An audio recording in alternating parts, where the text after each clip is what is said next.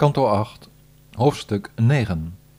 De Heer verschijnt als een mooie vrouw om de nectar uit te delen. Sri Shuka zei. Toen de Asuras de nectar voor elkaars neus wegkaapten en elkaar toewierpen, werden ze zich al dus gedragend als dieven zeer vijandig. Ze zagen toen de Heer in de gedaante van een vrouw genaamd Mohini Murti op zich afkomen. Wat een figuur, welk een gratie en jeugdigheid, zeiden ze, zich haastend om haar aandacht te trekken met hun harten vol van verlangen om met haar te slapen. Wie ben jij met je lotusblaadjes ogen? Waar kom je vandaan en waarom kwam je hier?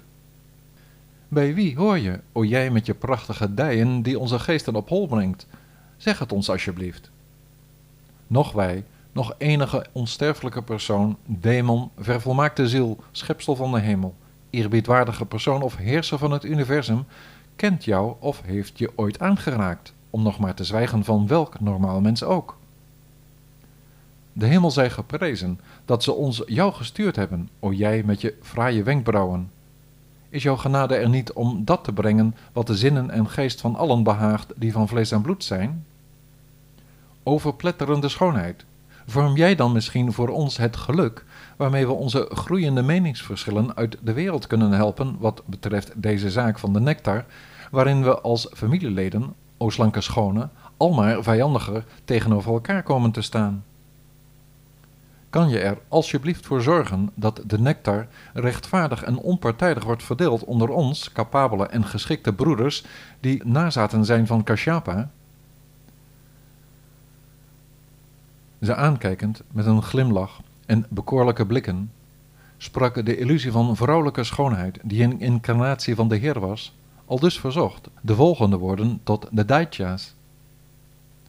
De Allerhoogste Heer zei, hoe kan het zo zijn dat jullie, nazaten van Kashyapa, er allemaal in geloven omgang te hebben met een vrouw als ik die achter mannen aanloopt? Want dat op vrouwen gericht zijn is iets dat je bij de wijzen nooit zult aantreffen. O vijanden van de Sura's, de wijzen zijn het erover eens dat jakhalzen en onkuise vrouwen, die er kortstondige relaties op nahouden, steeds aan een nieuwe, verse partner denken.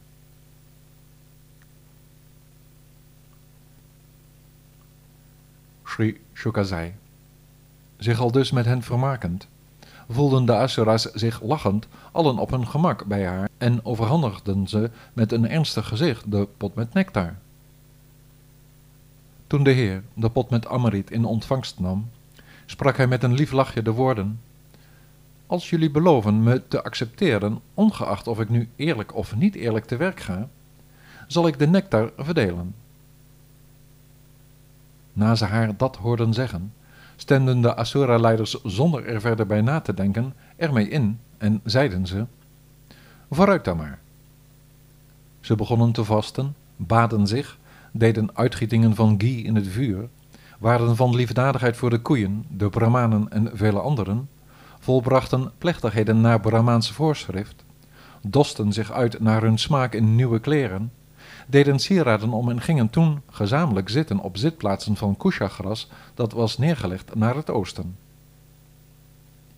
Toen de Suras en Daityas, al dus ook met hun gezichten naar het oosten gewend, uitgedost met bloemenslingers, daar zo zaten met lampen in het offerperk dat volhing met wierook, trad zij daar binnen met het vat omhoog gehouden, o heerser van de mensen.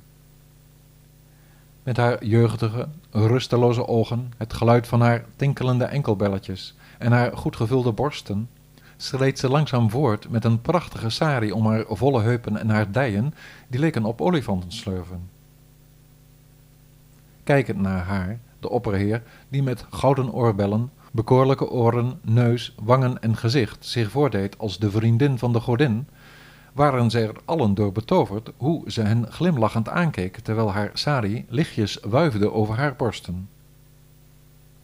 Het als een misrekening beschouwend om de nectar te geven aan de demonen, die zo vreed zijn als slangen, deelde de onfeilbare het niet aan hen uit. Een verschillende rij voor iedere groep afzonderlijk regelend, liet de meester van het universum ieder van hen ordentelijk aan zijn eigen kant plaatsnemen. Met de pot in haar handen misleidde ze de Daitya's met mooie woorden en liet ze degenen die verderop zaten tegenover hen, de Sura's, drinken van de nectar die ze zo vrij waren van ouderdom, dood en gebrekkigheid.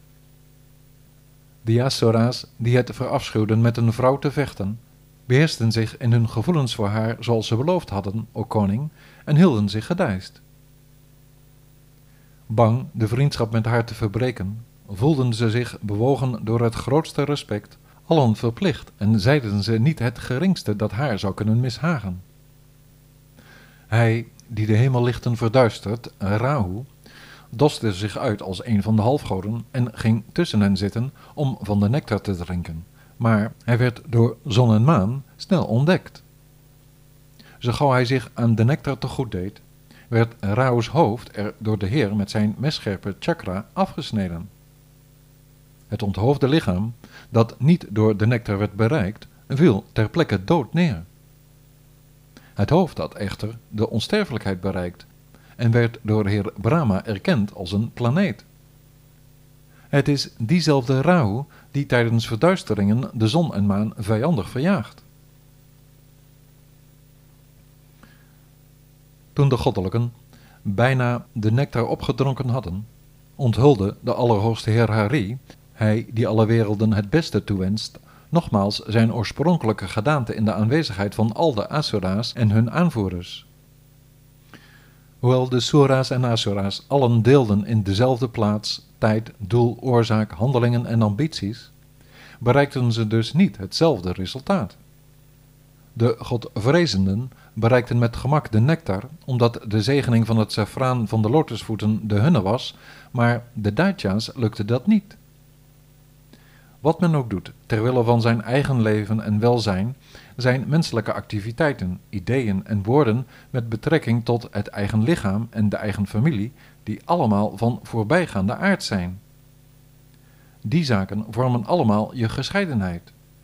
Maar hetzelfde wordt iets feitelijks en permanents als het niet in gescheidenheid wordt gedaan, als men niet faalt in zijn toewijding tot de Heer, want dan ontwikkelt het zich tot dat wat men het de wortels water geven noemt, het bezig zijn met wat iedereen ten goede komt.